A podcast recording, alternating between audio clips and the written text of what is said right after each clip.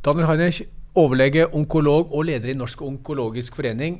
ASKO er nå akkurat startet. Velkommen skal du være. Tusen takk.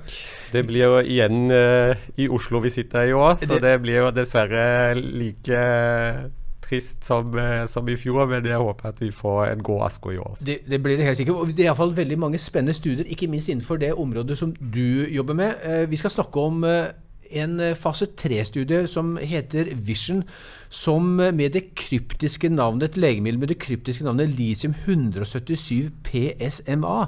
Det er et radioaktivt legemiddel som, som uh, representerer en ny behandlingsmetode for personer med prostatakreft. Kan du aller først uh, fortelle oss hvordan er det dette legemiddelet, eh, det radioaktive legemiddelet fungerer? Det skal jeg prøve. Ja. Det er altså noe vi kan kalle for en målrettet radioaktiv behandling.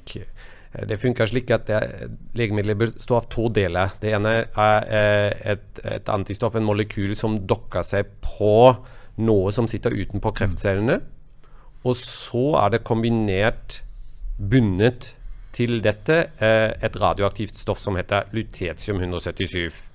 Um, ehm, og det hele sammen heter da lutetium 177 PSMA målrettet behandling. For PSMA er egentlig ikke en del av legemiddelet. Det er den molekylen som sitter utenpå kreftcellene, mm. og som er målet mm. da, uh, for dokkingen. Mm. Um, når det legemiddelet da kommer fram til kreftcellen, binder seg til den, til dette PSMA-molekylet. Da skal den radioaktive delen av, uh, av legemiddelet gjøre sin jobb og, og, stråle, og da forhåpentligvis sende mye av stråling nettopp gjennom kreftcellen, og dermed drepe den. Uh, det er et prinsipp som vi uh, kjenner til fra andre krefttyper, hvor det har blitt brukt delvis også over, over mange år. Mm. Um, og en, en litt annerledes type, men allikevel samme prinsipp kjenner vi også fra prostatakreft allerede. For du husker sikkert det, det norskutviklede legemiddelet radium-223, ja, som, ja. som, det heter nå, Xofigo som, som, som salgsnavn. Mm. Eh, det er jo også sånn at man sprøyter det inn i blåårene, Det skal søke seg til de områdene hvor, hvor det er kreft, bare at søkemekanismen funker litt annerledes enn her. Og Xofigo det er jo opprinnelig som sa et norsk uh, utviklet legemiddel, men som nå eies av Bayer.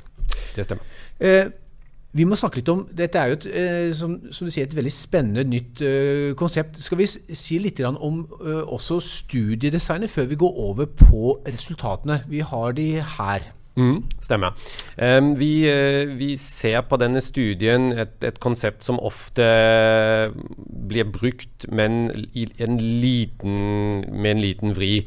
Uh, her er det altså pasienter som i utgangspunktet har metastatisk prostatakreft. De har ikke noe nytte av uh, kastrasjonsbehandling lenger. Og så har de òg progredert på en god del andre behandlinger. Mm. Dvs. Si at sykdommen har blitt resistent mot det meste, og det er ingen gode systemiske behandlingsmuligheter igjen. Det, det er utgangspunktet. Mm. Det var nok noen pasienter i denne studien som allikevel hadde noe igjen for senere, men, men um, ideen var at det ikke skulle være noe igjen. Mm. Og Da har man da sagt uh, at vi sammenligner denne her lutetiumbehandling med det man kaller for best standard of care. Mm. Altså ikke placebo og ikke ingen behandling, og heller ikke no, noe annen definert systemisk behandling, men pasientene kunne f.eks. motta palliativ strålebehandling mm. og, og, lignende, og det kunne de faktisk i begge eh, armer i, i studien. Um, grunnen til at man har valgt det slik, det er at man, man ikke ville at pasienter som ble randomisert til kontrollarmen måtte komme til sykehuset for injeksjoner med saltvann. Nettopp. Som jo en placebobehandling ville krevd. Nettopp. Et, et, uh, interessant studiedesign. Men la oss gå over på hva som var resultatet av uh, studien. Uh, kan du si litt om det? Da skal vi se på et nytt bilde.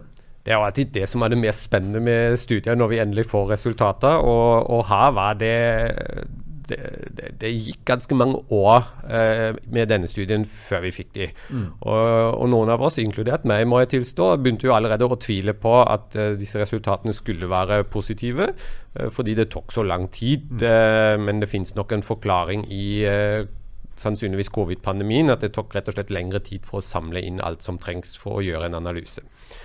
Uh, og der ser vi nå, gledelig nok, at også dette legemiddelet er et legemiddel som forlenger livet til prostatakreftpasienter når det meste andre er prøvd og ikke fungerer lenger. Og eh, som du ser på det bildet her, og på disse overlevelseskurvene, eller overlevelseskurven til venstre, mm. så er det altså sånn at de skiller lag ganske tidlig, og så ser det ut som om de også går fra hverandre gjennom hele oppfølgingsperioden, sakte, men sikkert. Mm.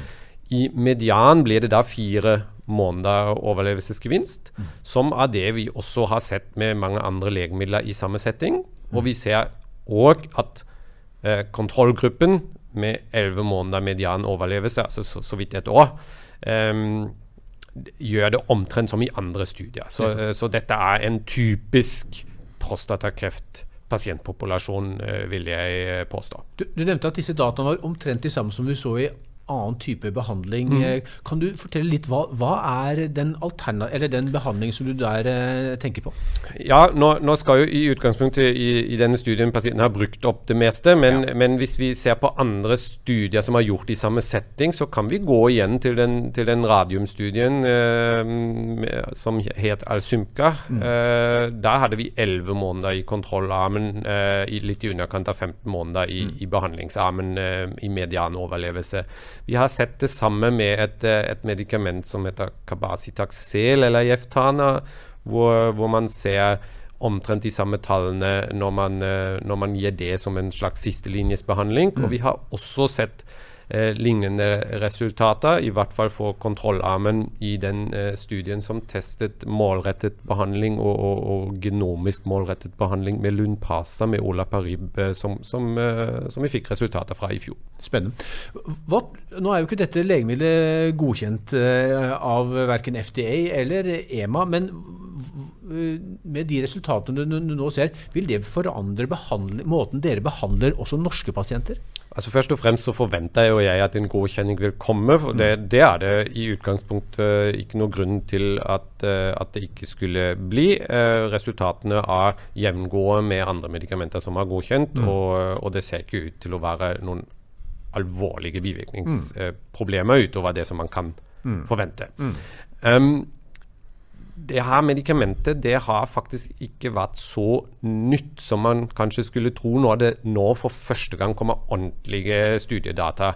Uh, det har i ulike fasonger blitt uh, brukt ulike steder i verden. Mm. Um, ikke i Norge, men i det nordiske utlandet, i Finland f.eks., og, og også mye i mitt hjemland i Tyskland. Um, så noen norske pasienter har faktisk fått det allerede og reist til utlandet og betalt det selv. Mm. Um, man kan tenke seg her at det i en overgangsfase til uh, vurderingen om godkjenning og ikke minst til syvende og sist vurdering om, om uh, betaling, altså beslutning i mm. Beslutningsforum, også har gjort, mm.